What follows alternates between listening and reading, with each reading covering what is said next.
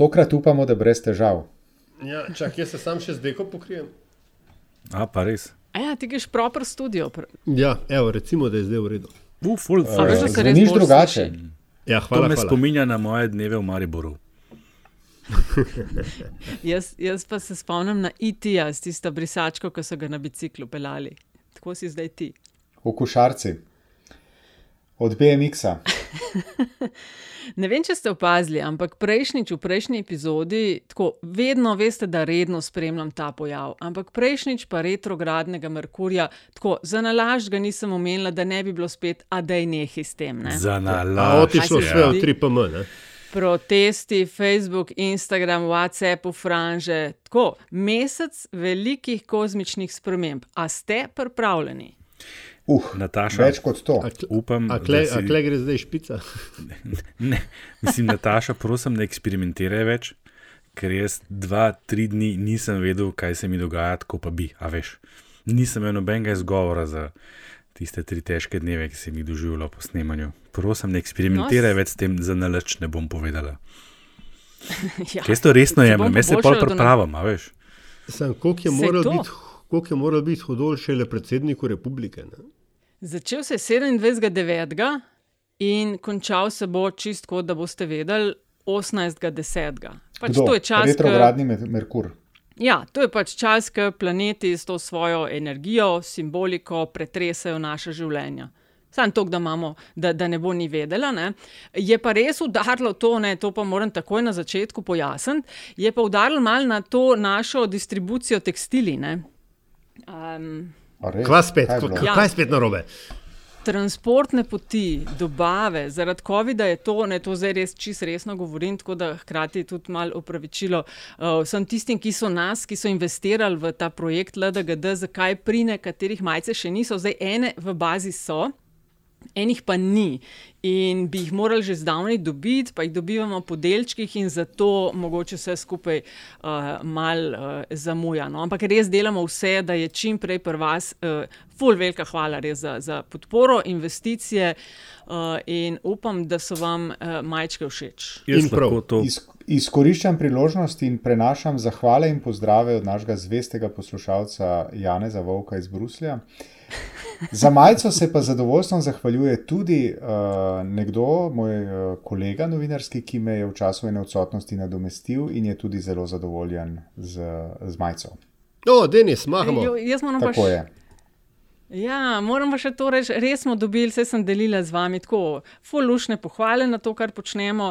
Eh, Še posebej se mi je vtisnila pa v spomin, slišali smo že, ali jaš pa tudi v drugih podcastih, ki jih delava, kaj vse ljudje počnejo med tem, ko poslušajo podcaste. Ne, um, ne vem, likajo. Tečejo, se z avtom uh, peljejo in tako. Imamo pa enega poslušalca, ki pravi, da uh, nas največkrat posluša na pokopališču med upravljanjem obrti, ko ročno uklesuje napise v nagrobnike. Je taka. Tam je to huda, ne? to, to, to, to, tako, tako se mi zdi veš, simbolno za uh, vs, vse nas in vse to, kar se okoli nas dogaja. Ja, tako, ful, hvala res za, za odziv, za pohvale in za investicije. Še vedno so majčke na voljo, uh, tri barve, siva, modra, črna, velikosti od S do 2xL in pa dva napisa, uživajte dokler lahko in pa brez zamere. To še vedno lahko. Uh, pišete na naš naslov, in tako dalje. Okay, tako da je, tej- so pa vse informacije tudi na spletni strani. Uh, ful, hvala, ali jaš, da je. dosti dost te vljudnosti zdaj, koliko keša je padlo. A slišite keš, a slišite keš, to je keš. Ja, keški, keški, keški grejo. Dajte denar.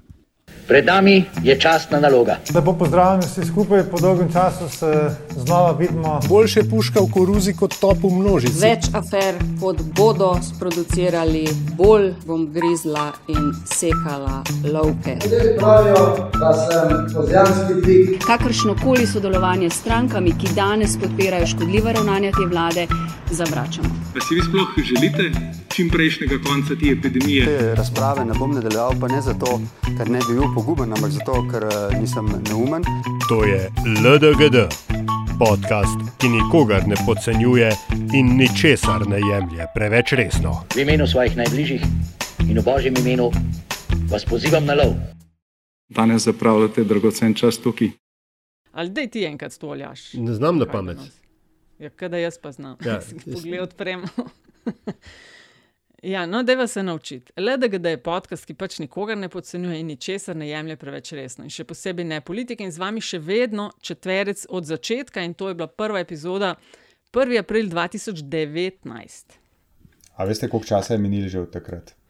Nataša Ja, Briški. Metina Lista, Aljaš Jej. Pengov Bitenc, Radio Chaos, Jej. Draž Zorko, Valikon in Antiša Korljan, Primorske novice. To smo mi. Uh, rezultati politbizarke. Antiša, ti se trudiš, da ne zmagaš. Tri A, odstotki so tvoji. Ja? Samo, Samo jo, tri si dobil, za nikogar ne silimo v cepljenje. Antiša, ti A- tvoji predlogi so v bistvu zelo bizarni. Ja, vidim, jaz bom sam sebe nominiral. Kralj bizarke. Plešoča vizija in breznik 18, tale, ta bi lahko bila zmagovalna, sam jih je pa pokopal tole, te slučajna srečevanja eh, Dimnika in Janša, to je 45 odstotkov. No, je pa Kacin zelo se približeval proti koncu s precepljenimi podcepljenimi narkomani. narkomani. Tako takšen je vrstni red po tretji bizarki. Kakšna bo nova, povem ob koncu. Um, zdaj pa za teme smo pa rekli, ne, protesti in to, kar se je dogajalo zadnje tedne, dneve, je kar velika tema, od kaosa do ekscesne uporabe sile, do odzivov z leve in desne. A, 76 tednov že potekajo petkovi protesti, v zadnjem mesecu smo dobili še sredine, na tisoče ljudi na ulicah Antiša, prvič aktivirali deveti člen.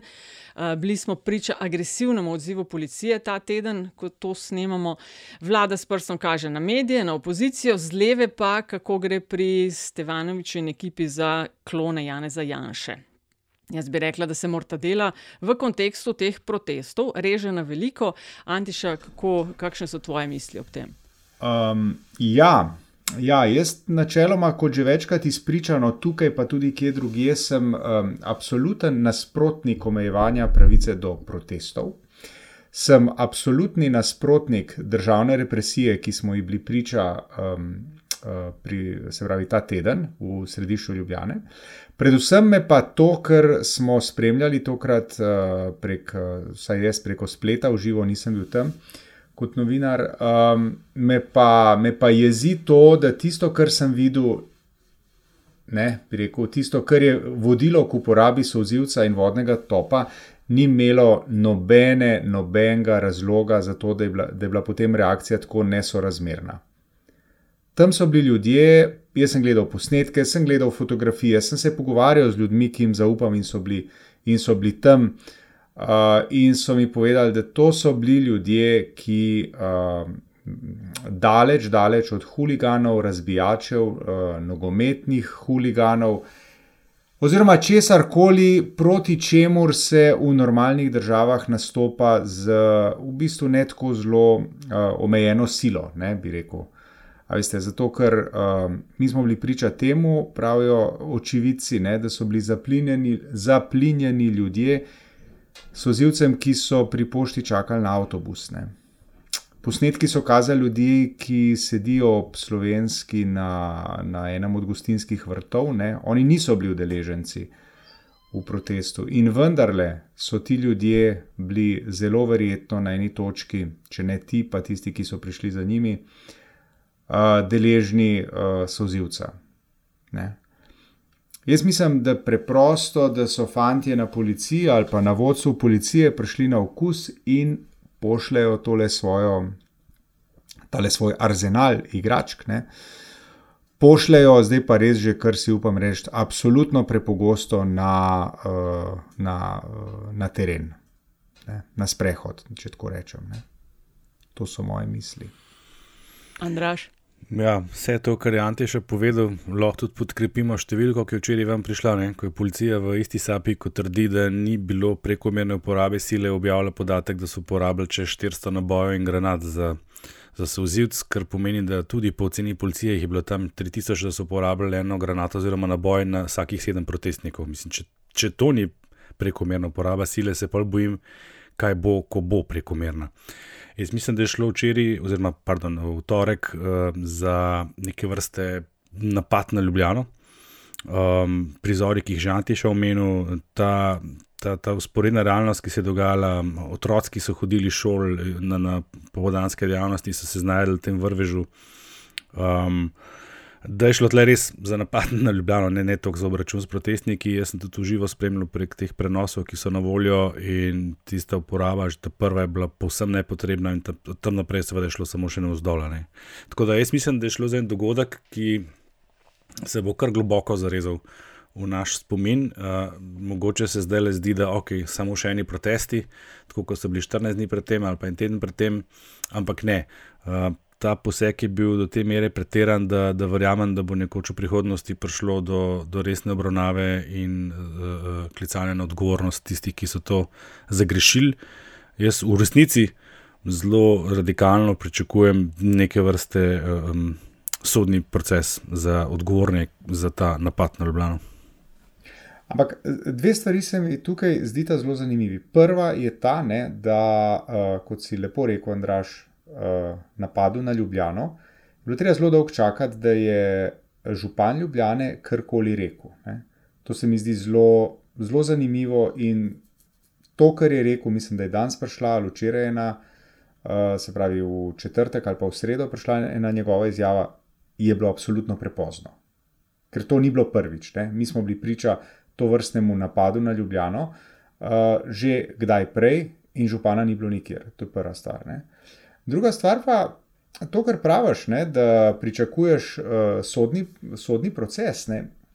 Kaj je problem? Ne? Po mojem je problem v tem, da mogoče smo v tem prepričanju, ki ga tukaj uh, izrekamo, ne?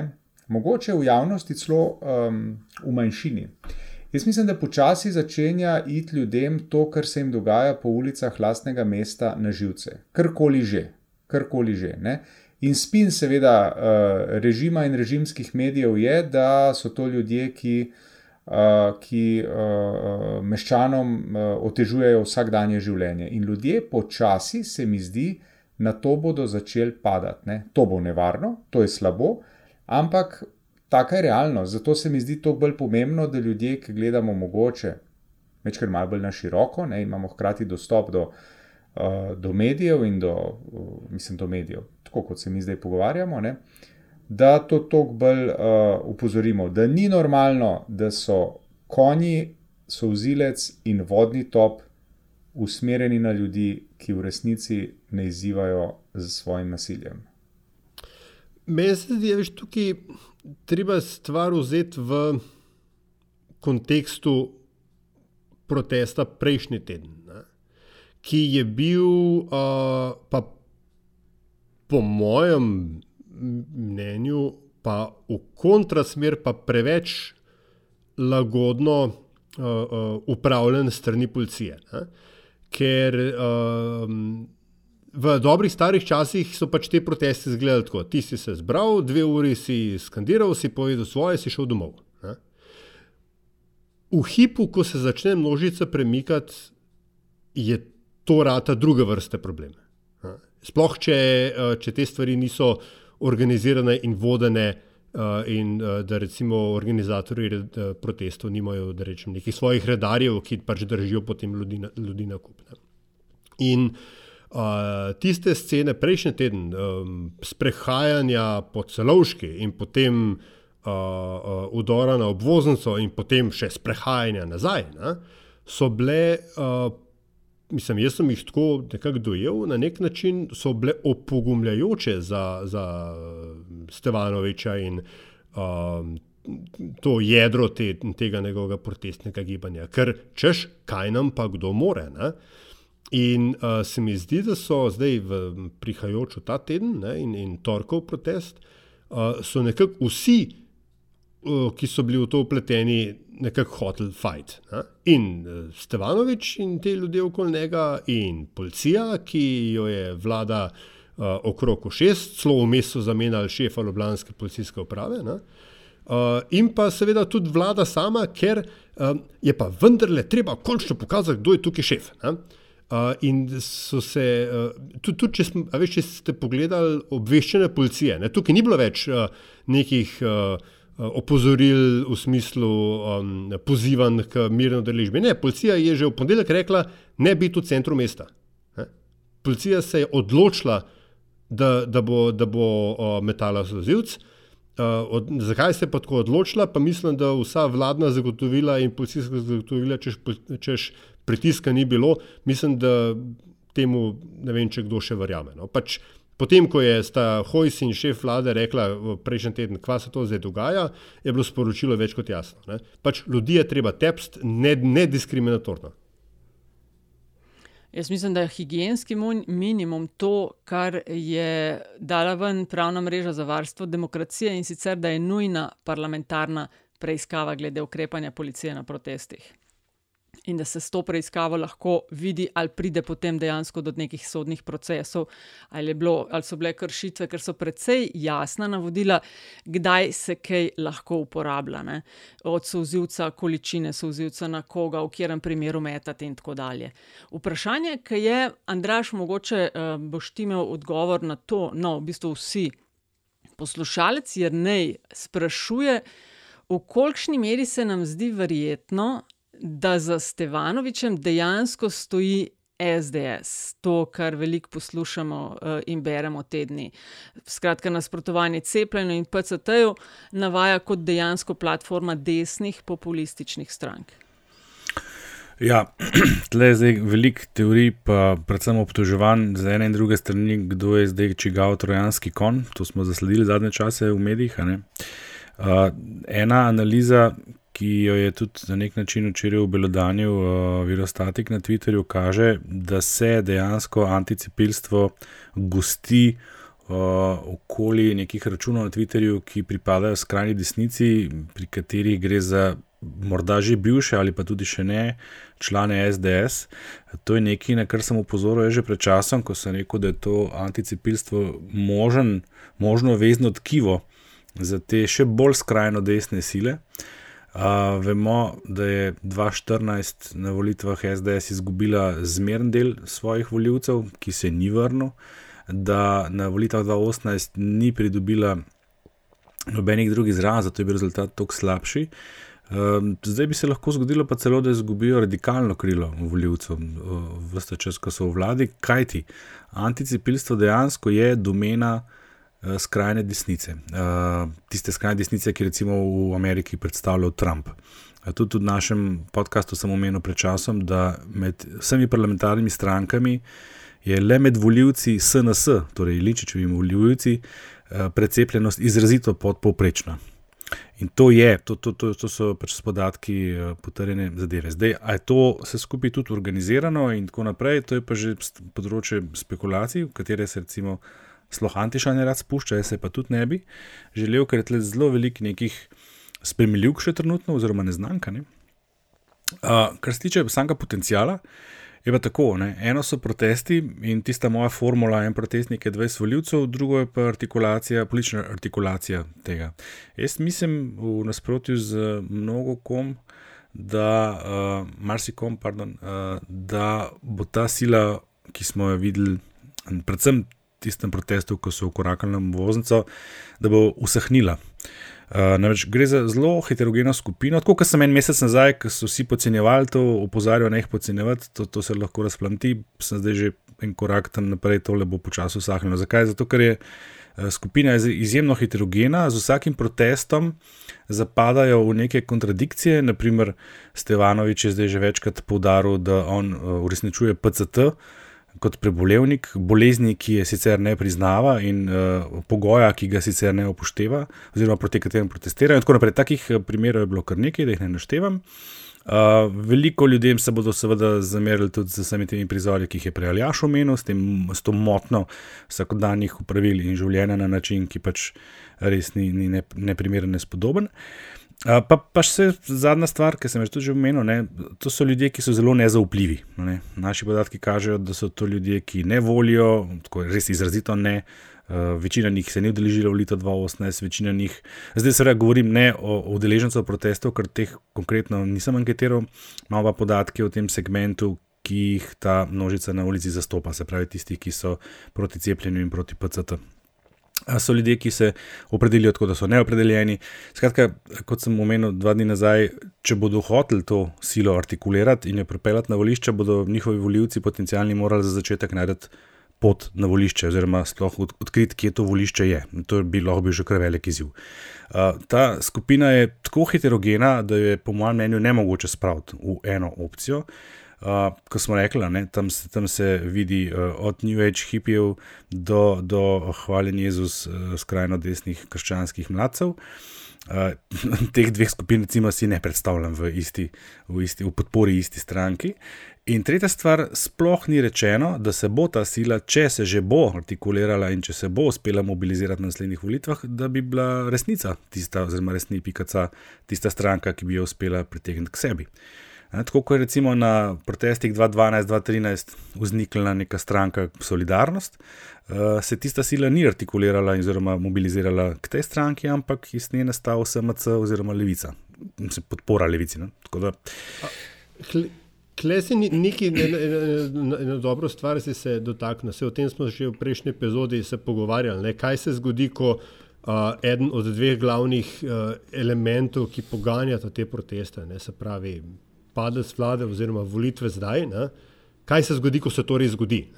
Veš, ko, ko, ko v bistvu vzameš ta, ta uh, temelj ne? tega protesta stran in rečeš, no tukaj imate. Ne?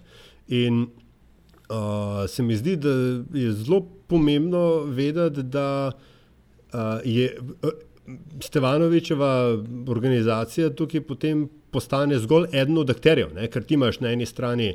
Uh, tukaj, uh, veš, tipe ala Troha in njegov OPS, pa Bršiča in njegov dom, pa ne vem, kaj še vse. Zapravo, ne, eno množico nekih malih strank, ki imajo neko svojo uh, infrastrukturo in ne vem kaj. Medtem ko Stevanovič ima pa, sicer, ko bajagi, recimo, množico in kot ti praviš, pravilno je zelo heterogena in jo težko popredalčkeš v en, v en predal. Predvsem pa, ne, um, ne vem, če še kdo kaj gleda v registr političnih strank resnica tam noter ni. Ej, hvala za to, ker sem prvo hotel vprašati, če kdo sploh preveril, ali to sploh je res stranka. Ja, ne, to, to, je, to je bo eden od eh, temeljev mojega nastajajočega blog posta. Veš, stra, stranko ustanoviti v Sloveniji se ni težko, ni pa tudi tako lahko. Eno je narediti Facebook event, pa reči dol z vlado, dol s PCT, pa ti pride, ne vem, 3 do 10 tisoč ljudi. Zdaj pa ti najti 200 ljudi, ki nočejo imeti PCT pogoja in jih dati v, v prostor, kjer pa moraš imeti PCT pogoj, ne, če smo že glih v trenutni situaciji in zato, da ti rečejo, ustanovili bomo stranko, um, ok, kaj pa zdaj? Uh, da ne govorimo potem. Ja. A veš, se jih to zdi? Hotel sem, hotel sem sam, sam, sam to še, še omeniti in spet, zato da ti kandidiraš na nacionalni ravni, rabaš imeti osem volivnih list ali koliko imamo volivnih enot. Ne? z po enajstimi kandidati, kar pomeni, da moraš osemkrat to listo vložiti. In ne, primer Aleša Primca, ki smo ga na zadnjih volitvah tudi imeli za satelit Jana Zajanše, uh, se potem zgodijo napake ali pa napako narekovajo in potem. Uh, uh, stranka, ki so vsi rekli, da uh, oh, to bo pa Janša napadel z desne, uh, potem postane zgolj opomba v zgodovinskih knjigah. Ne? Pa ne samo to, ne? potem te čaka pa še, pa že to je ogromno, kar si naštel. Potem te čaka pa še dva meseca volilne kampanje, soočen, kjer se soočaš s starimi mački, z vsemi medijskimi pastmi, na katere naletiš. Ko smo videli, kako je recimo ena stranka, kako se je že rekel, za zdravje, kaj je že bila tam ta Gregor ja, Kos, ja, pa ne, kako se recimo, zdravo družbo, ja, ja, ta, ja. za zdravo družbo, ne, kaj se je njihovi kandidatki primerilo recimo v studiu. Sicer ja, Zoran Stevanovič je zelo artikuliran, ampak hitro pa lahko zapade v kontradikcije in to se na soočenih pol hitro razgali. A veš, tako da jaz res ne dajem prevelike teže tej, tej opciji. Bolj verjetno se mi res zdi, da se vzpostavi neka skrajno desna skupina, sestavljena iz različnih desnih, skrajno desnih skupinčic, ki si jih preumenil ki za razliko od resnice je že registrirana kot stranka, recimo Dom, z voljo, ki je artikuliran in je že veliko krat nastopil v medijih, trenutno ga pač ni videti. In je vprašanje, veš, je to neka tleča sila, ki, ki jo Janša na nek način tolerira, ker mu koristi, po drugi strani mu pa vedno glasneje oponirajo.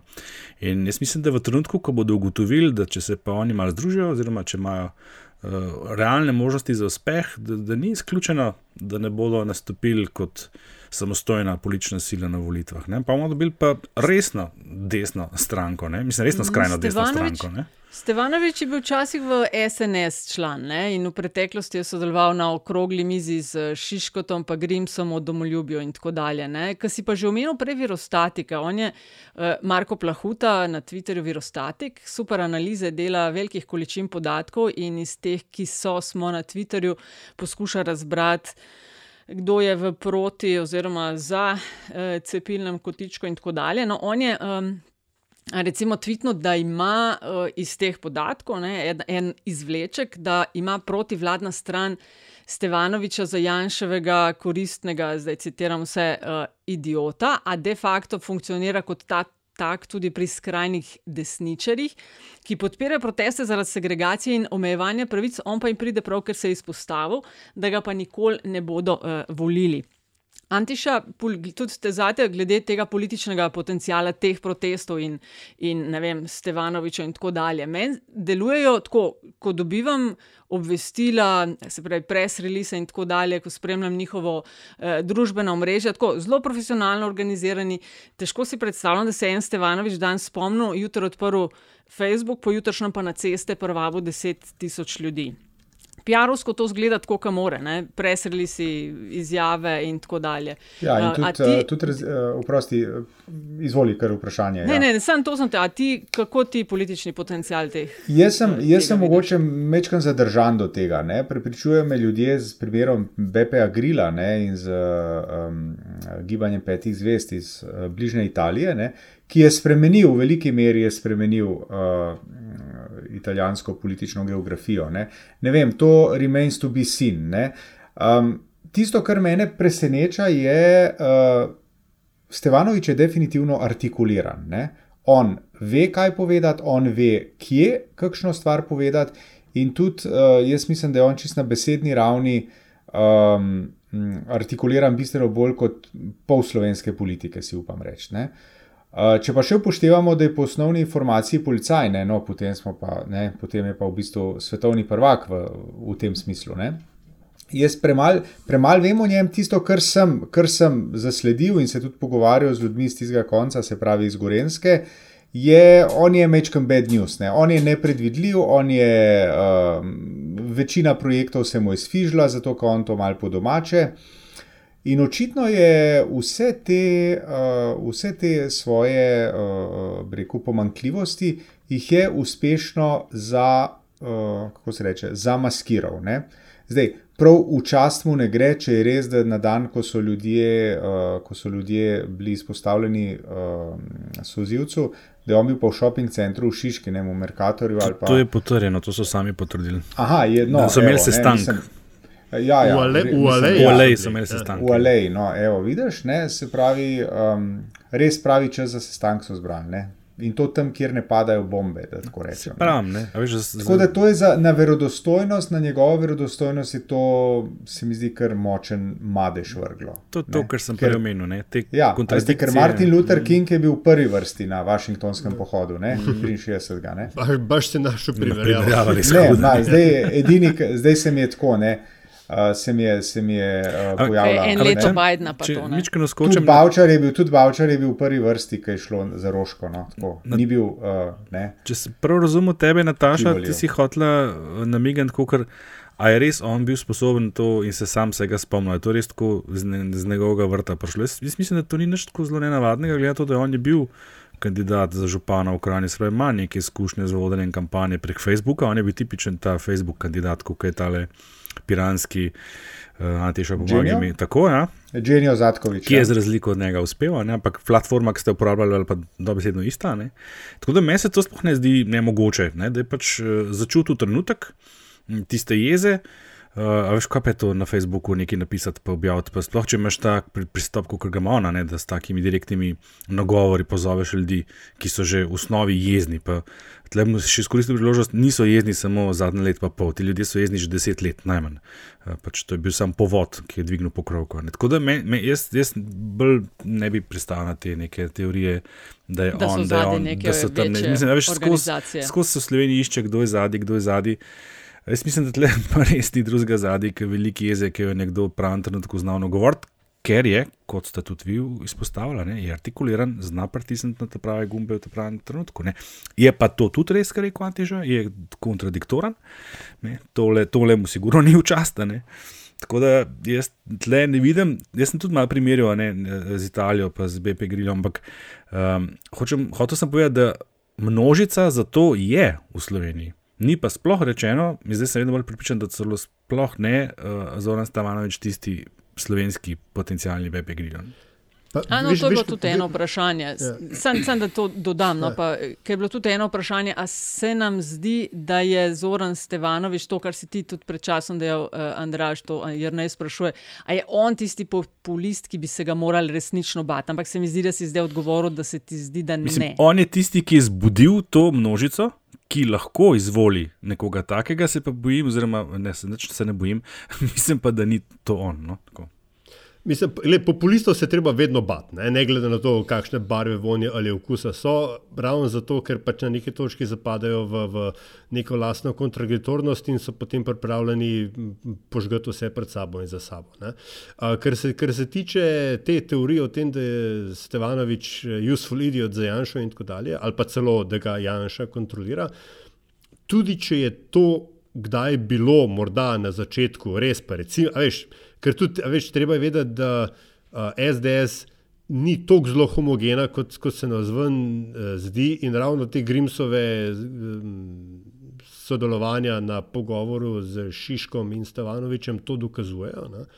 Um, zdaj ni več, zdaj pač mislim, da je on več kot očitno prosti streljc. Uh, In če nič drugega, to dokazuje uh, torkov in sredin uh, poskus uh, spina iz smeri strankine kletine, ki so kar naenkrat odkrili, da zdaj da, uh, ima pa Stevanovič pa južne korenine ne, in da je zdaj to, kot se je pa poloblan slišal, šta je to, šta je ono, da to pa res grozno ne in kva nam bodo zdaj te jugoviči kle neke mesto razbijali. Veš, kar naenkrat so uh, vsi ti ljudje, ki imajo toliko zapovedati čez ljubljanski centralizem, ugotovili, da oni pa imajo v bistvu Ljubljano radi, ne? ker kao nam pa ta južni okol hodijo in, in podobne smešnice. Ne? Ampak se mi zdi, da to dokazuje, da pač kleti neke direktne povezave ni več, tudi če je kdaj bila. Ne? A, ampak nekaj drugega zavajo um, Andraš in Antiša. Kako to vpliva na pozicijo Jana Zajanša in, in uh, eh, SDS-a. Oziroma, če dan kar direkt tako stvržem, ali je možno, da bi se on v prihajajoči kampanji zaradi teh protestov poskušal pa zdaj prodati kot ne, Richard Nixon nekoč, če smo že pri ameriških uh, primerjavah, uh, lower northern candidate. Ne? Če boste glasovali za me, bom za množico opravil tako. Kako? Ja, pač s vodnim topom. Zdi, veš, pač, skratki, ja. da bo, da veš, da bo ja. Janša zdaj nastopil kot ne, um, veliki protektor nacije, ne, da v hipu, ko bo pač rulja šla na ulice, bo on vam potegnil vodni top in so vzivce in gumijste naboje. Ja, in kaj je naredil? Ne? Kje je to naredil v Ljubljani, ki ni volilna baza SDS, ne? ampak je volilna baza Levice in vseh ostalih, ki jih je zdaj s tem sam dodatno razkuril, je pa s tem pokazal vsemu, vsem območjem okoli Ljubljane, kjer pa je volilna baza njegova, kako se upravi točno s tem, kar si omenil, z ljubljanskim centralizmom in tako naprej. Jaz mislim, da je bila to usnovena zelo grda predvolilna poteza, načrtno speljana istočasno, o, kot je bil summit na Brdu. Zato so lahko gledalci, ki niso na Twitterju, recimo, ne, kot smo mi, ki smo se spremljali v živo z vsemi kamerami, ki so tam na voljo, ki so bili večji meri deležni prijaznih, toplih pozdravov Jana Zajanša z vsemi evropskimi voditelji. In si imel potem z vidika enega voljivca, ki je že tako bolj nagnjen k njim, uh, pa ni izljubljene, na, na, na voljo dve podobi, ne? neke razgrajače, anarhiste in ne vem kaj v Ljubljani, s katerimi je policija bravo, bravo upravljati, kot je treba, medtem ko je naš državnik sprejemal Makrona, Merklova in vse ostale. Ja, in to, mislim, ja, in to je zelo močno sporočilo. In to mu bo šlo ele, ele, elektorat. Ne, seveda, ne. Ker moramo, vedno več kaj, ne smemo nikoli pozabiti, mi smo res preveč, preveč uh, pod vplivom Twitterja. Ne. Twitter je umreže zelo oske skupine ljudi, podoba Jana Zajanša ni taka uh, v populaciji kot je na Twitterju, ampak je taka, kot se prikazuje v uh, tradicionalnih medijih. To je velik, velika razlika. Ampak SDS te tradicionalne medije non-stop šikanirajo, Ja, da ne eh, prikazujejo tako, kot je res. Ampak šikanira jih Ja, na Twitterju, svoje, ne, ne. O čemer šikanira jih na Twitterju, večkrat pogovarjali. nastopa pa vi v njih. a ne. Smo pa, ja, vidiš, lej, to smo pa tudi že v prejšnji sezoni omenili, ne, da predsedovanje mogoče njega niti ne zanima to kot 30 letka samostojnosti in pa potem še tale vrh, ki je bil Balkan, iz katerega ni, se, ni prišlo nič opremljivega, to, kar se je tudi pričakovalo. Ne. Bil pa je, tako kot si omenil, ja, Andraš, krasen, krasen fotoop. Če ne bi bilo dežja, bi bilo že skoraj kičasto. Ja. No, Dež je pa če bil ne bo drug dan. tiskovke, ne. kjer ste se malo skregali z Wonderland. Ja, um, veš kaj bi sam to bi mogoče pa, da zaključimo to temo, ki si Andraš prej fajn istočnico dal. Uh, zdaj, te protesti niso zares noben unikum. Ne? Po celem svetu so, en fajn članek pred dnevi na New York Timesu objavljene o razlogih, ker to ni samo ta COVID, zaradi česar so ljudje na cesti, ampak je nekaj, kar traja že 10 plus let, podobno kot je bilo recimo pri Trumpu. Ne? Piše, noter so pisali mali spomina, zdaj citiram: Revni so na cestah, ker nimajo dovolj cepiv in zaščitne opreme na voljo, eh, bogate države, ker nakratijo osebne eh, svoboščine. Tako da ne gre samo za reakcijo na pandemijo, ljudje so pač nezadovoljni, ker odnosi med vlado in vladanimi jih bo treba drugače uh, urediti, da ni razumevanja za potrebe ljudi. Ne. Finančna kriza je, je pokazala razpoke aktualnega sistema, uh, avtoritarke in demokratinje, ženska oblika velja za, za vse spole. Uh, po svetu krize rešujejo še več ne vem, neoliberalnimi ukrepi, zategovanjem pasov, privatizacijo javnega sektora, kar lahko gledamo tudi pri nas. Ne. Ljudi, ljudje pa cepljeni na družbena omrežja to dela samo še bolj, uh, še bolj uh, jezne. Ne. Ni zaupanja v voditelja, Andraž, vi spremljate to zaupanje ne, v vlado. Zdaj, nujne so boleče reforme, to mi vemo, pa vemo tudi, da se rešujejo z limanjem Hanza plastu. Zato je vse več ljudi na ulici in to slabo ali pa slabše upravljanje s COVID-om je sam pika na i. Da izkazuje se, kažejo raziskave, da so fail. Avtoritarni režimi, ki nasilo poskušajo rešiti problem, in da so fail tudi demokracije v neoliberalni eh, obliki, ki posameznika in korporacije postavljajo pred skupnost. Kaj kažejo ta zadnji podatki, Andraž, za zaupanje vladi? Ker če hočemo, nazaj ne bomo več šli. Ne? Komu zaupamo, da bo naredil, kar je treba, pa da pri tem ne bomo potegnili takrat. A zaupamo vladi? Ne.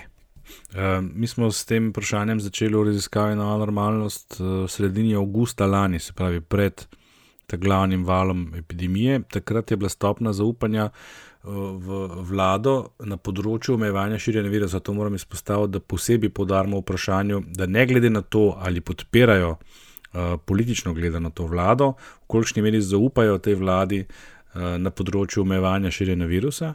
In takrat je bila stopna zaupanja minus 27, to pomeni, da je bilo pač več negativnih odgovorov kot pozitivnih. Bom pa spomnil, da minus 27 je za katero koli politično institucijo zelo visoka številka, zato ker se zaupanje v vlado in ostale politične institucije tradicionalno giblje tam nekje med minus 50 in minus, uh, vse tja do minus 80. Uh, je pa od takrat naprej ta stopna zaupanja počasi. Počasi uh, uh, tonila z občasnimi sponi in paci, in ravno v zadnji meritvi, se pravi, pretekli vikend smo prišli na eno od najnižjih vrednosti, podobno tisti iz uh, aprila letos, uh, to je minus 51, skratka, smo na isti ravni kot je tudi sicer zaupanje v vlade nasploh. Ne, tako da ta vlada res nima uh, zaupanja, to drži ne samo tako politično, tudi ne, kar se tiče epidemije in tako, kar si ti prerekla. Jaz mislim, da je več kot jasen dokaz, da so pač failali tle, ne, tako kot vsi avtoritarni tudi drugi avtoritarni režimi. Mm. Režimi upravljanja epidemije, da smo se nejasni.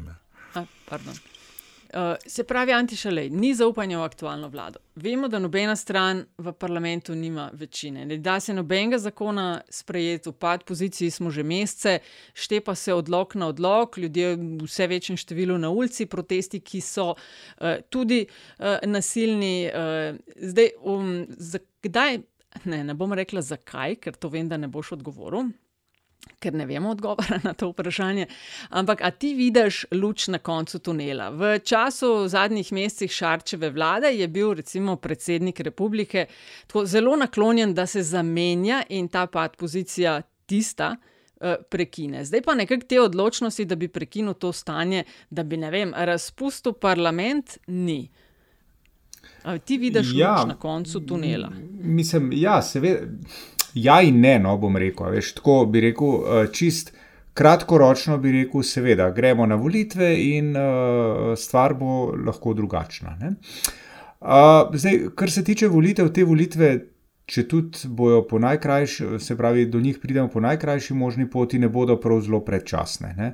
Bo predčasne, skoraj približno to, kot so bile predčasne tiste, ko je Miro Cerar odstopil, ki so bile v bistvu dva tedna ali nekaj ja, takega. Tri tedne je bila razlika. Ja, tukaj, tukaj govorimo, ne vem, mogoče o dveh, treh mesecih več, pa ne, ne, rekel, ne. Mi smo zdaj, konc, pa rečemo, da smo konec oktobra. No, Ampak, dobro, gremo mi na volitve. Ampak obstaja precejšna verjetnost, da ne rečem nevarnost, da po volitvah ne bo dosti drugače. Tako da um, ne vidim v bistvu luči na koncu tunela. Zaradi tega, ker se bojim, da nas po volitvah, kakršne že bodo in kadar že bodo, um, ne čaka prav zelo, um, prav zelo različna situacija. Vlada, uh, vlado, vlado bodo sestavljali na enako mučen način, kot so to počeli do zdaj. Razmerja so se mi zdi bolj kot ne zabetonirana.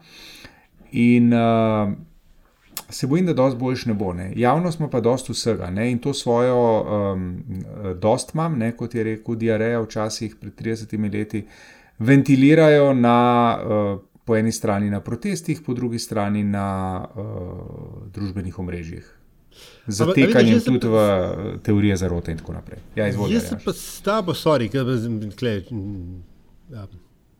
Ja živčen, hoče nekaj povedati. Ja. Robide se, robide. Ali lahko sem jaz nekaj?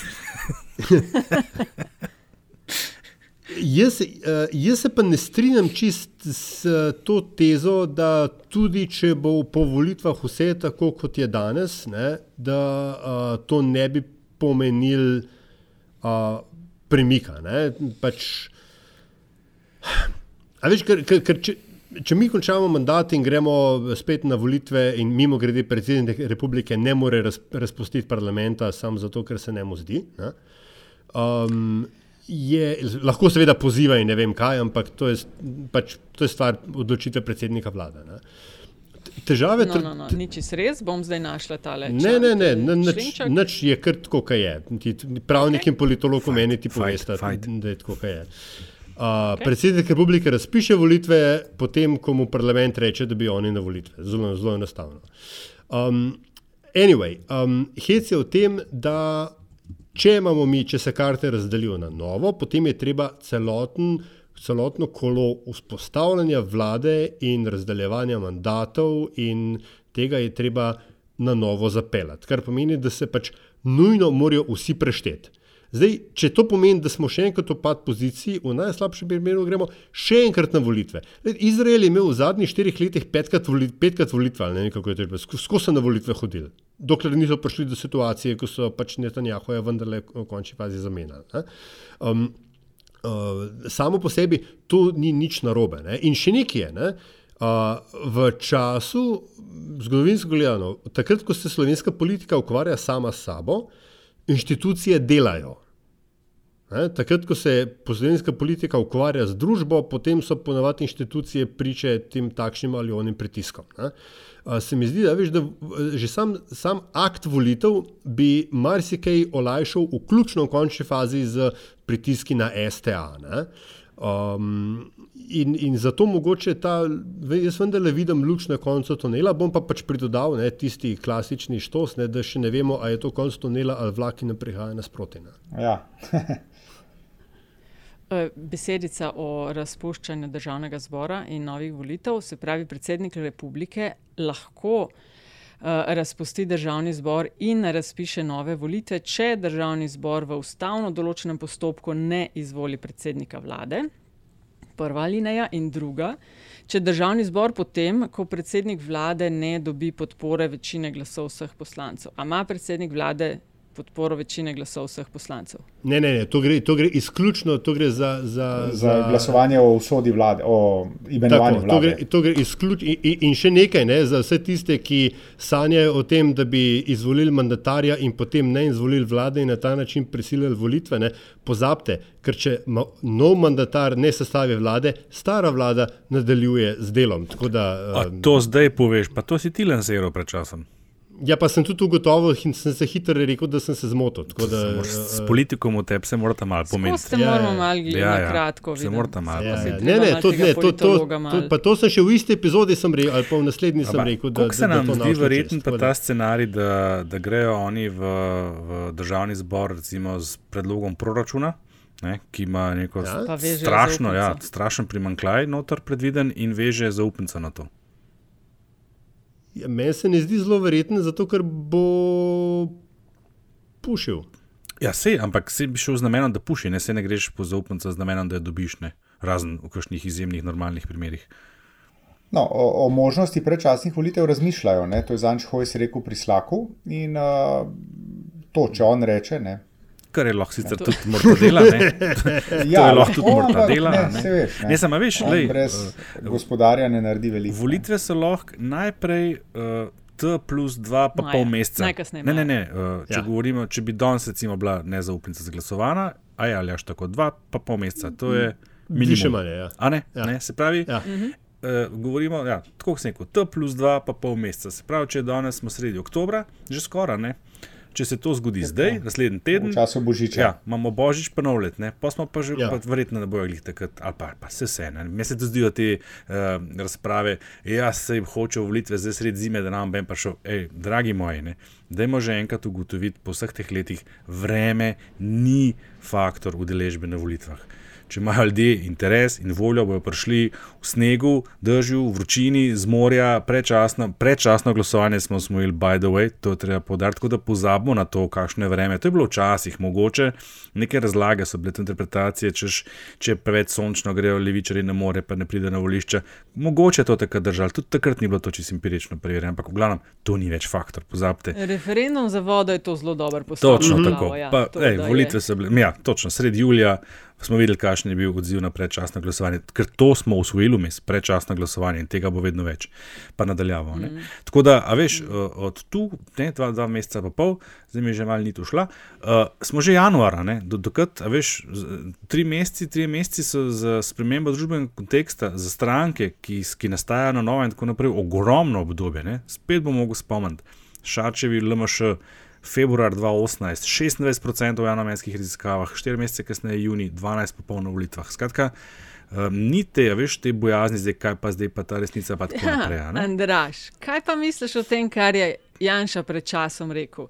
Da javnomnenjske raziskave, to je mislim, da je rekel na kongresu ali pač tistem nekem sestanku SMC-ja da javno mnenjske raziskave niso tam zato, da merijo javno mnenje, ampak da ga ustvarjajo, je rekel Janša. Se to že dolgo govori. To, to skozi ponavlja, razen takrat, ja. kadar jim rezultati ustrezajo, to, to vemo. Ja. Lej, to, mislim, je, jaz, jaz bom tle sam dodal to, kar sem pred časom rad ponavljal. Javno mnenjske raziskave treba znati razumeti, ne pa jim slepo verjeti. Seveda, da javno mnenjske raziskave ustvarjajo javno mnenje, kot ga tudi vsa ostala mnenja, ki tudi. so objavljene v medijih. Ne? Ampak oni verjetno trdijo, da so. Poneverjene, po, po oziroma da jih nekdo potvarja rezultate, ne, da s tem ustvarja rezultate. To je, to je pa huda obtožba. Take pa mislim, da si ne bi upal, da nikomor. Uh, ja. Ja, malo je pumpal ekipo SMC, ja, no, da naj ne verjamejo, da je sam nič cela pet odstotkov in pogumno je treba iti naprej. Vse ima prav, lej, ne, ne, ne, ne se še malo trudijo. Poslušaj, ja, ja, ja. eh, ste me slišali verjetno pred časom. Malenka Bratušek SAP, nič cela pet, 2016, 2018 na volitvah, 5%. Vse ima prav. Mm -hmm. Čez prav ima. In veš, te vzorci, ki jih no, imajo, mi smo v teh ne, novih. Smo že pri tem, ne, te vzorci, ki jih, ima, ki jih imata te dve agenciji, se razlikujejo in imajo problem. Pazi, veš, kaj se dogaja? Nina Media je tok na udaru desnih medijev že nekaj časa, pa še malo strokovne plati zaradi metodologije, da jaz verjamem, da na njihove ankete, pa tudi na medijane, neverjetno, se odziva vedno manj desno mislečih voljivcev kar pomeni, da jim tam dejansko podcenjujejo te cifre, če nimajo kakšnih zelo umetelnih sistemov za oteževanje. Veš, tako da to, nič se čistko. Ti, ki smo pri teh lučeh na koncu tunelov in tako dalje.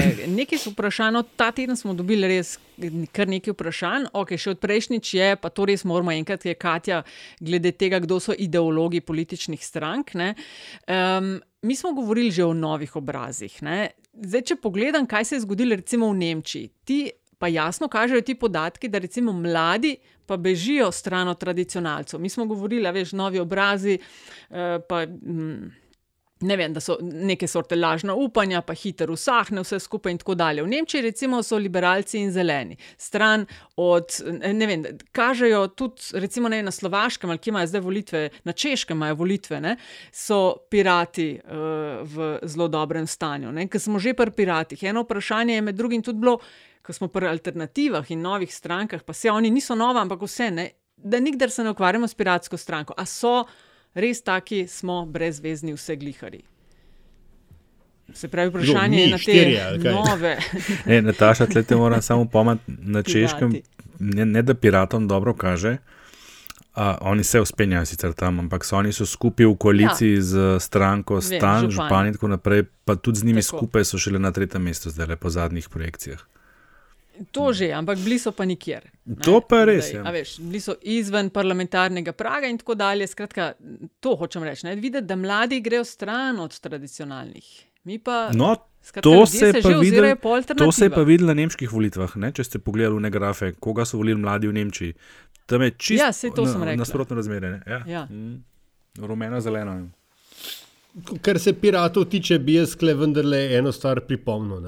Uh, v tej na, naši skupinici, nas štirih, ne, nas je bilo več kot eden, ki smo skozi leta kar nekaj upanja polagali v te pirate, naše nesrečne. Ne. Um, tako da mislim, da je kar. Niso zadovoljili tvojih pričakovanj. Mislim, tako, hop, najprej bi moral reči, da so, da so ocene o vseh glihrstvu pretirane. Uh, drugo je pa tako, ne. Um, ljubčki moji, samo po sebi se vendarle ne zgodi nič. Ne? Zdaj, če, če, če, se, pač, če se že ne greste populizma in prav je, da se ga ne greste, po mojem, potem se treba pač začeti organizirati.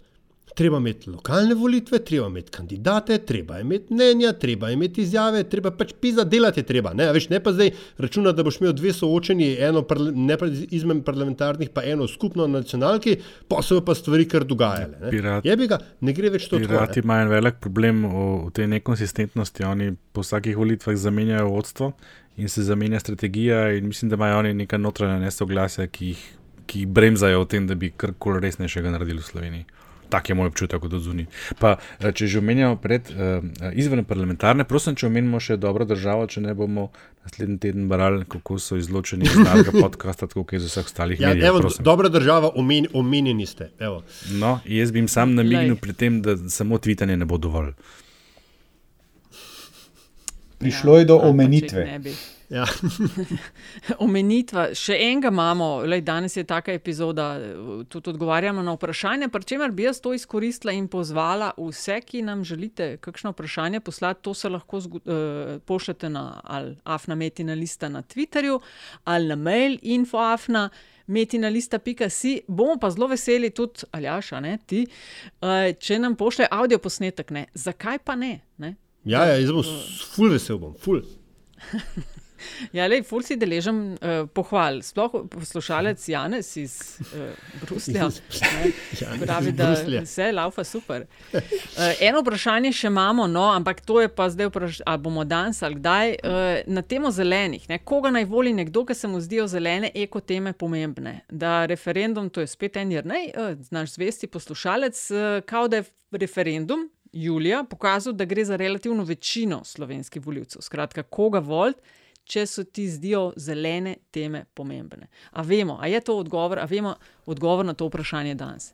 Po mojem ne, ne. Mo mislim, nekaj časa se je pojavilo kot up zelene agende na slovenskem političnem prostoru, se je nekdani minister Lever pojavljal, ne? zdaj jaz ga ne zaznavam več. Ne? Uh, mogoče sem izjema med nami, tri, med nami štirimi. Uh, tako da prej mislim, da se bo moralo zgoditi to, kar se je do neke mere zgodilo tudi v Nemčiji, namreč da so velike etablirane, etablirane stranke po eno, um, posvojile določene uh, zelene teme, jih prepeljale gor ne, in tam so bili zeleni sicer odmeraj močni, in potem te teme dominirajo, uh, oziroma so močno prisotne v javni razpravi, kjer pa seveda potem zeleni pridejo na, um, na svoj račun. Ne. Prej, po mojem, da bi zdaj pa to um, od odspodi narasla ena inicijativa in doživela uspeh, pa se bojim, da še nismo tam. To je mislim, Andraš, ni številka, mislim, je kaj. ne, to je zmeraj, ki je Antiša rekel. ne. Vemo, da je uh, samo ime, naziv zeleni v, v, Sloveniji kontaminiran z različnimi posebneži, ki so se lastili to ime te stranke. Vse eno imamo zeleni Slovenije, z lista Andreja Čušane. In je zaradi te preteklosti to izjemno težko, niti ni videti inicijative. Jaz sem dolg časa nazaj razlagal, da mi že tako zeleno živimo, da prebivalci verjetno ne čutijo te strašne potrebe. Mislim, mi si verjetno ne predstavljamo, kako izgledajo industrijske cone oziroma področja v Nemčiji in tako naprej, zaradi katerih so te zeleni nekoč nastalne. Uh, so pa znotraj strank verjetno to ugotovili. Jaz mislim, da trenutno je ta opcija še najbolj artikulirana pri levici tam te teme najbolj sistematično izpostavljajo in tudi uh, dajo vtis neke konsistence v tej poziciji. SD se je nekaj trudila, ampak mislim, da njihova inicijativa je rahlo zamegljena z izpuhi šoštanskega Raufanka in je to pogledno ta možnost malo manj privlačna. Ne. Uh, pa zapazil sem zadnjič, da je pa SAP začel nekaj omenjati to temo. Ne. SAP se pa tako zelo strateško loteva posameznih tem, recimo najprej so upokojence zelo učinkovito nagovorili, mogoče to zdaj njihova špura, ta druga. Jaz močno dovoljen, da se bo pojavila taka inicijativa, tako da bo treba posežeti po eni od strank, ki je pač v svojem programu najbolj zeleno usmerjena, pa da ti hkrati ideološko ne nasprotuje do te mere, da ne moš obkrožiti. To, to si dobro rekel, ne? ker to se je v končni fazi že tudi v prvi generaciji piratov v Nemčiji pokazalo. Ne? Da, ok, mi smo vsi, a veš, pirate, pa takrat so bile reforma avtorskega prava, je bila njihovo, njihovo gonilo, ampak potem, ko pa to dosežeš, ne ta single issue moment je recimo dosežen ali pa se vsaj naslovi, kaj pa zdaj. Ne? In uh, potem, veš, ker zelen, zelenih opcij je bolj ali manj očitnih v Sloveniji, vendar le kar nekaj, ne? večino si, ste jih zelo našteli. Uh, torej, kje ti v bistvu bi ti tudi sicer najbolj pasala? To bi se mi zdel tako dober test ne, za, za vsakega voljivca in voljivko. Veš, kaj je še ena velika razlika? Da te tradicionalne zelene stranke, kot jih poznamo uh, iz zahodnih držav ali pa sosednjih, ne na zadnje, vse imamo v Avstriji zelene vladi, pa v Nemčiji ponovno bodo tudi. Ne. To so, to so stranke, ki so nastale tam na vrhuncu uh, industrijskega kapitalizma poznega ne, 20. stoletja. Uh, te, ki zdaj nastajajo, oziroma ki bi utegnili nastati, pa, pa, pa se spomnite, pa Greenpeace, pa, pa te zadeve. Ne? To je bil takrat uh, statement zelenih, zdaj je pa to pa, je pa podnebje, oziroma podnebne spremembe, pa čist druga zgodba, čist druga, čist druga osnova. Mm. Um, Kje smo? Lahko smo, mogoče pri polit bizarki. Ha? Ali bi želel še kdo zaključno besedo, Antiša, ti si jo rad vzameš? Uh, ne, ne, se odpovedujem.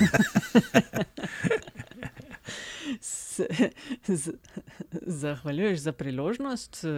Ja, pa pa kaj, polit bizarka in uh, imamo kandidata za prvo. Ja, imamo. Daj, če si me že tako prozvala, da, da skočim, še, še predno se Antiša zagrebe. Moram spet malo statistike osvežiti, da vidimo, kje smo v letošnji sezoni. Jaz sem se prej zmenil uh, za eno bizarko, ampak sem pol meseca spomnil še ene. Bom navedel tri moje kandidatke. Prva je bila um, um, tole novinarsko sporočilo včeraj iz Brda, uh, da, na, da na Brdu na tem samitu imajo. Um, Da je tako kot Woodstock, sam da ni seksa, pa rock and roll. Ker je očitno med nasticam hotel namigniti, da, da droge pa očitno imajo. Ne. Ali pa pozabil, kako je šel ta slogan, oziroma song. Ampak pol sem se pa spomnil, da pa ne vem, če, če lahko gremo mimo, uh, če smo malo bolj resni, obiska oziroma srečanja Borod, Borod Pahor z Oran Stevanovič. Jaz mislim, da je pa to tisto, kar je. A, a, sem, a sem ukradel? Si zgrešil WhatsApp sporočilo. Ojoj, ojoj.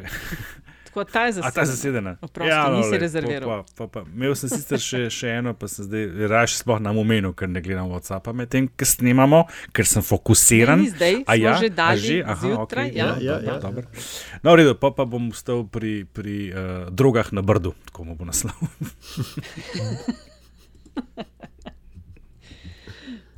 Ok, droge na brdu. Uh, in mislim, da imaš, uh, ali jaš ti tudi brdače. Ja, ne? jaz imam tudi brd, brdo, mislim, brdo stok je očitno po, eh, postregel z, z bizarkami. Um, Ane Gelinek je dopisnica, eh, da bom prav povedal, mislim, da uh, nemške CDF, ja, tako, um, šefica bruselskega uh, uredništva nemške televizije, ki so ji v uh, improvizirani pisarni oziroma improviziranem studiu uh, na Brdu uh, monitor postavili kar lepo na likalno desko. Ne, pri vs, vsem uh, orodju in uh, resursih, ki jih imajo, so uh, novinarki dali likalno desko, tako da klele imaš, ne boš lahko še kaj, še kaj speglala vmes. Hotel reči, pr, Imaš malo mehka kolena na te jaz sem hotel papirke reči, pa- pri vseh balah Ja, ja, spet lej, papirja so to- pa likalno desko najdel.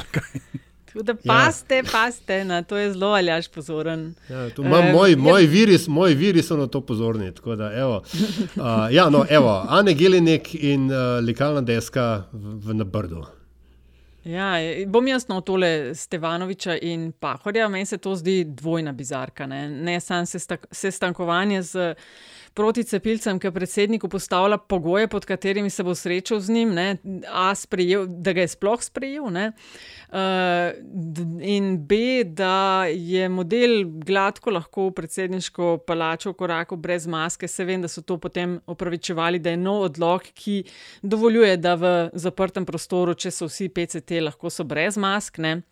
Če ne drugega, eh, zaradi eh, vzora, ker kaj eh, kaže to nam, vsem ostalim eh, državljanom. Ne? In š- za še en poskus paharjev je šel, ki je najprej fotoop, eh, namesto da bi, tako kot so običajno postopki, ne, to gre z nižji nivo, najprej na sestanek, pa se nekaj časa kaj dogovarjajo, potem je pa predsednik zadnja inštanca, ne, potem pa pride tisti fotoop. Ne. Naš predsednik to obrne, je najprej fotoop, potem pa nič. Ne vem, kaj eh, je, je mislil, da boste poklepetali in bo Stevo rekel, aj stari se imaš prav, ali, ali kakšen je bil scenarij tega. Ne. Ampak skratka, to eh, maske bodo padle in pa horjevanje je moja In bizarka. to je po mojem tudi zmagovalka, Dobro. tako da Antiša dobro premisli. Ja, jaz, ja, zdaj, mi- mislim, zdaj. uh, Zdaj, zdaj veš, kaj talent samo še sam no, s kaj tabo naj rečem, tekmuješ, ne. no, sam sabo. Ja. Jaz bi ti kot Ne, jaz bom, Hunter S. eh, jaz prav, bom- moj pravni svetovalec mi svetuje. Nomi, ne. nominiral bom poslanko Levice Natašo Sukič, ne, ki je na nedavnih protestih v središču Ljubljane, bili so torkovi protesti, zdaj ne vem, ali jih je videla. Vsekakor je pa iskala policiste, ki govorijo mačarsko. To je bil, po mojem, wishful thinking, vendarle za en korak predaleč. Ne? Tako da Nataša Sukič in njeno uh, iskanje mačarskih policistov med uh, policisti, ki so počeli, kar so pač počeli na torkovih protestih. Mm, Da je bila kar huda, se mi zdi, kaže na to, da če se ne motim, je zbrisala ta. In z velikimi Ampak črkami ja. je bil zapisan. Ne? Zjutraj. Ja. A, točno, ja, lock. Ja, jaz bi lahko v tem trenutku sam svetoval en zelo, ker sem vidim navdahnen neki, kot pravni svetovalec. Ne. Uh, v mojih zgodnih letih uh, me je takratni partner iz Zagreba podučil, ker sem jaz nagnjen k temu, da sem zjutraj, ko sem vstal, najprej kakšen besni mail napisal. Je rekel, veš, najprej se moraš ti fino posrati, uh, spit kavo, pokojiti cigareto, pa, pa šele začni mail odgovarjati. Ne. E, To je partnerjem upravljanje. To, to nažalost si ugotovimo malo prepozno, a ne v zrelih letih, ampak lej, nikoli ni prepozno. Ja, lej, veš kaj. In smo na zadnjih 30. Ja, jaz bi sam začasno omembo, ker se mi vsem zdi, da je, je kar pustila en, en pečat. Gospa Mojca Škrinjar, poslanka, ki je kar že nastopala v naših eh, politbizarki z odsadnih jogurtov, pa še imela jih ne. Je med drugim. Se ona je eh, viceprvakinja, ali? ji všel. A je Je, celo da je vice možno, viceprvakinja, ja. No, skratka, resna gospa in je imela v enem tvitu poslanka predlagala, da se ustanovi stranka Glupko Kurac. Jaz se opravičujem zelo grdim besedam. Ampak uh, ta je kar. To je rekla, ele, to je rekla. Kva so šel prvič hvala za njo? To je rekla. Avč. Kako je Aljaš navdušen. Zadnjih 30. In Jaz sem, jaz sem vesel, ker radio, a veš, ker čim še nekdo drug začne preklinjati, sem, sem res tako. Zadnjih 30, no, Zadnjih potem bom pa jaz, 30, jaz, Aljaž, jaz zač, začel um, z eno stvarjo, ki me um, v bistvu žre že od poletja sem, ker vedno iščem priliko, pa nekako ne pridem do nje, ker se vedno zgodi kaj drugega. Um, knjiga Alija Žerdina, uh, Leto nevarne bližine, v kateri je Ali s svojo trademark pedantnostjo popisal celoten potek prvega in drugega uh, vala epidemije, um, ki je za moje pojme obvezno branje. Tudi zato, ker nas spomni, kaj vse se je vmes dogajalo, ko smo v tem uh, megli um, dogodkov in protidogodkov in odlokov in sprememb odlokov, smo že kar mal pozabili, kaj vse točno je tisto bilo, zaradi česar uh, uh, so tudi ne, zdaj pač ali pa smo uh, ljudje jezni. Jaz to knjigo priporočam v branje in mogoče tudi kot kakšen opomnik, če se bo mogoče kdaj kdo na kakšni poziciji odgovornosti spomnil, da bi pa on pa imel vendarle kakšno parlamentarno preiskavo, hint, hint. Um, Antiša. Ja, jaz bom, uh, jaz bom pa priporočal, ravno tako kot Aljaš, samo ne knjige, pač pa nadaljevanko. Tokrat dokumentarno nadaljevanko na Hrvaški nacionalni televiziji, ki se ob ponedeljkih uh, zvečer, mislim, da ob 8 ali 9, posveča genezi in nastanku, in potem tudi razvoju, in verjetno tudi zatonu uh, zločinske tvorbe, ki se reče NDH. Ne?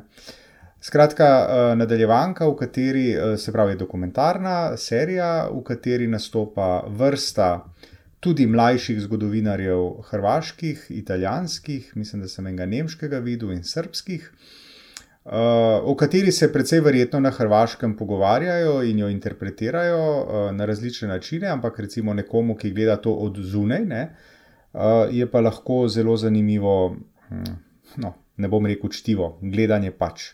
NDH, HTV ob ponedeljkih zvečer. Andraša bo zadnji. Um, ne, ne, ne, zakaj imam občutek, da imaš ti nekaj tasga, da bi mogla biti zadnja. Kot, Ja, je vse, izvoli. okay, um, jaz sem pa vem, da je, mislim, da si bila ti Nataša že nekdo priporočal serijo Mare of Easttown. Uh, jaz sem se kar dolg časa šparal, moram priznati, ker sem slutil, da gre za zelo dobra stvar. In končno sem si zanj še enkrat vzel ta čas v enem zelo kratkem časovnem oknu, se pravi od, od prve epizode pa do zadnje je minilo 17 ur, pa ena, ena noč spanja vmes. Uh, v teh turobnih dnevih bi znal ta njen lik še posebej do izraza prijeti. Jaz moram samo reči, da serija res odlična, mal sem vanjo, pa z veseljem bi šel z njo na dejt. Mojih 30 je pa na Facebooku in cepljenje. Uh, Na Facebooku so skupine, ki sejo sovraštvo, zavajajo, širijo laži, dezinformacije glede cepljenja. In pol je skupina Science Mamas Vaccine Forum. Odlična zadeva. Forum moderirajo slovenske mamice znanstvenice. Skupino za debate okoli cepljenja so odprle sredi julija letos, imajo že skoraj 2000 članov oziroma članic. Um, Pravili sta, da diskusija poteka spoštljivo in prepovedano je širiti proticepilsko propagando, so na razpolago za vprašanja v zvezi s cepljenjem otrok in odraslih. In kot pišejo na strani, dobrodošle mamice vseh prepričanj, tiste, ki ste za, tiste, ki ste proti, pa tudi tiste, ki ste še neodločene. Verjamemo, da je v trenutni situaciji izredno pomembno, da splošna javnost, predvsem starši, dobijo znanstvenimi dokazi podprte informacije o cepljenju. Science Mamas Vaccine Forum toplo priporočam. Krasno se sliši to. Sem mislil, sam, da boš rekla mm -hmm, na Mhm, koncu in- tudi mamice, ki upremljajo. Ampak to že ne bi bilo preveč spodobno. a ne? To je čist, čist druga zgodba. In tako smo prišli do konca epizode. Zahvaljujemo se vam, ker ste uh, naša družba in uh, tudi vsem, ki investirate v naš projekt. Hvala lepa, res eh, za vse zamude, pa vnaprej opravičilo. Uh, retrogradni Merkur zadržuje uh, normalen potek in prepe, prepeljavo tekstili, ampak bo do naslednje epizode bi morali tako vsi jo imeti že pri vas doma. Ostanite v cvetju. Čau. Pa brez zamere.